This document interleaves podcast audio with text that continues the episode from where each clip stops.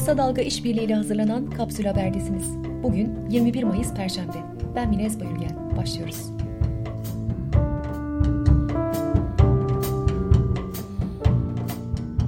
Cumhurbaşkanı Tayyip Erdoğan, 23. dönem Adil Yargı Hakim ve Cumhuriyet Savcıları Kura töreninde vicdanınızı ve imzanızı Allah korkusu ve kanunlar dışında asla hiçbir kimsenin, hiçbir gücün emrine vermemenizi istiyorum dedi. Türkiye'de yapılan araştırmalara göre nüfusun %34'ü geçen yıl sosyal yardım aldı. Covid-19 salgınıyla sosyal yardım alanların sayısı daha da arttı. Sadece İstanbul'da yardım alan aile sayısı bir ayda en az %170 yükseldi. İstanbul Büyükşehir Belediyesi'nin yoğunluk haritasına göre saat 17.30 sıralarında trafik yoğunluğu %55 seviyelerine ulaştı. Bu oran son iki ayın en yüksek seviyesi. CHP NİDE Milletvekili Ömer Fethi Gürer'in soru önergesine yanıt veren Ticaret Bakanı Ruhsar Pekcan, 1 Mart-30 Nisan 2020 tarihleri arasında 15.948 iş yerinin kapandığını açıkladı.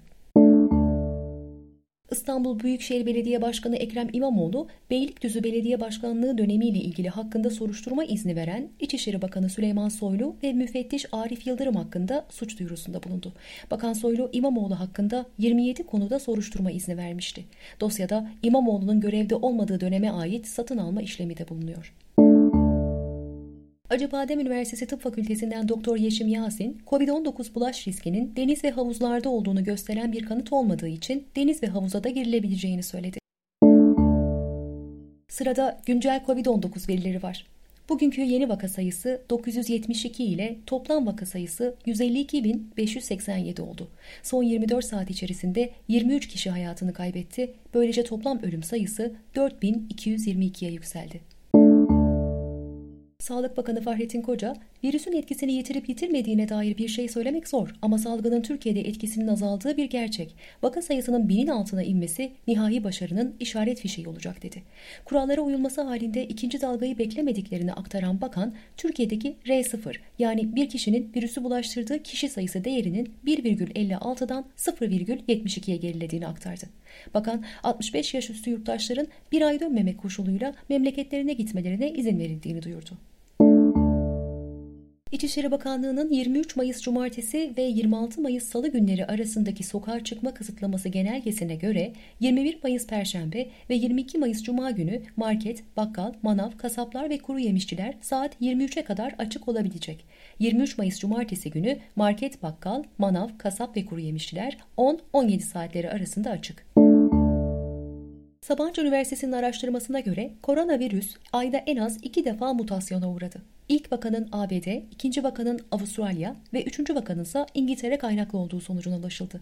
Aynı zamanda İstanbul'daki koronavirüs vakalarının Avrupa kaynaklı olduğu tespit edildi. Sırada ekonomi ve iş dünyası var. Hazine ve Maliye Bakanı Berat Albayrak, gelecek dönemde ticaret hacmi ve yerel paralarla swap noktasında çok daha etkin çalışmalar yapacaklarını söyledi. Bakan ayrıca stratejik ve üretim imkanı bulunmayan ürünler hariç ithalat kolay olmayacak. Birileri bir dönem ülkemizi ithalat cenneti yapmaya çalıştı diye de konuştu. Türkiye Cumhuriyeti Merkez Bankası ile Katar Merkez Bankası arasındaki swap tutarı tadil edilerek 15 milyar ABD doları karşılığı Türk lirası ve Katar riyaline yükseltildi. Türkiye'de evden çalışmaya başlayan milyonlarca kişinin kademeli olarak 1 Haziran'dan itibaren ofislere dönmesi bekleniyor. Türkiye İnsan Yönetimi Derneği Başkanı Berna Öztınaz, iş yapış şekillerinde büyük değişiklik yaşandığını belirterek şunları söyledi. Şirketlerin %59'u COVID-19 süreci sonrasında uzaktan ve esnek çalışma modeline devam edeceğini belirtiyor. 800'den fazla ürüne ilave gümrük vergisi getirildi. İlave vergi getirilen ürünler arasında iş makineleri, vinçler, tarım makineleri, bazı demir çelik ürünleri, kontak lens, mermer, granit, televizyon alıcı cihazları, yarı mamul deri ürünlerle bazı otomobil yedek parçaları yer alıyor. İlave gümrük vergisi 30 Eylül 2020'ye kadar %30'a varan oranlarda 1 Ekim 2020'den itibaren ise 10 puana kadar düşük oranlarda uygulanacak. Ve dünya Avrupa Birliği ülkelerinde 20 Mayıs'tan itibaren mentollü sigara ve sarma tütün satışı yasaklandı. Mentollü sigaranın özellikle gençlerde fazlaca kullanılması ve onları sigaraya teşvik ettiği gerekçesiyle böyle bir karar alınmıştı. Türkiye'de de 5 Ocak'tan bu yana mentollü sigara ve tütün satışı yasak. Singapur'da bir mahkeme 2011'de yakalanan bir uyuşturucu kaçakçısı için video konferans uygulaması Zoom üzerinden idam cezası verdi. Bu karar dünyanın ilk çevrim içi idam cezası niteliğinde. Dünya genelindeki Covid-19 kısıtlamaları porno sektöründe patlamaya neden oldu. Özellikle porno yıldızlarının evde hazırladığı ve ücretli aboneleriyle paylaştığı videolara ilgi oldukça arttı. İngiliz porno yıldızı Ella Hughes 500 dolara kadar çıkan ücretler karşılığında hayranlarına özel videolar çektiğini söyledi. Cinsel sömürüyle mücadele amacıyla uluslararası kampanya yürüten gruplar geçen hafta kredi kartı şirketlerinin porno sitelerini bloke etmeleri çağrısında bulunmuştu. Şimdi de medya. Adalet Bakanı Abdülhamit Gül, gazeteci Barış Pehlivan'ın cezaevinde bir gardiyan tarafından darp edildiği görüntülerle ilgili inceleme sürüyor. Soruşturma tamamlanır tamamlanmaz sonuç kamuoyu ile paylaşılacak dedi. AKP'nin etik kurallara uyan milli hesaplar diye tanımladığı sosyal medya hesaplarından gelen taciz ve hakaret içeren mesajları ifşa eden gazeteci Nevşin Mengü, başıma bir şey gelirse müsebbibi kendi vatandaşını korumaktan aciz Türkiye Cumhuriyeti Devleti'dir dedi. Sırada bir ekoloji haberi var.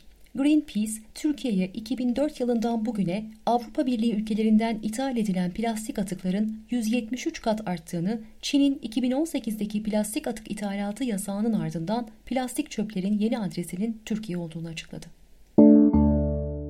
Şimdi de spor. Kulüplerle bir araya gelen Türkiye Futbol Federasyonu Başkanı Nihat Özdemir, Süper Lig'in 12 Haziran'da başlaması için 18 kulübün mutabakata vardığını, kesin kararın 28 Mayıs'ta verileceğini söyledi. Özdemir bu sezon küme düşme olmaması ve gelecek sezon ligin 21 takımına oynanmasını isteyen 7 kulüp olduğunu belirtti. Halı Saha Futbol Federasyonu halı sahalarda futbol ayak tenisi müsabakalarını yaygınlaştırmayı hedeflediklerini açıkladı. Başkan Bahadır Bulut, iki kişilik kadrolarla oynanan ayak tenisinin sosyal mesafeye uygun olduğunu söyledi. Ve bir dizi haberi. 47. Uluslararası Emmy Ödülleri'nde Şahsiyet dizisindeki Agah Beyoğlu karakteriyle en iyi erkek oyuncu seçilen Haluk Bilginer, yazar Anthony Horowitz'in aynı isimli kitabından uyarlanacak İngiliz yapımı Alex Rider dizisinde başrol oynayacak.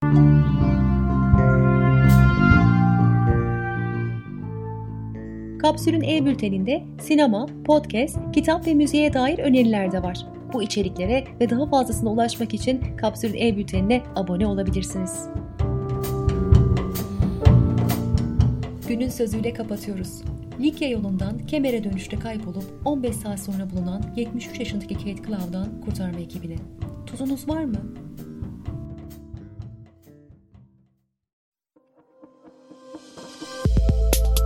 Bizi Kısa Dalga ve podcast platformlarından dinleyebilirsiniz.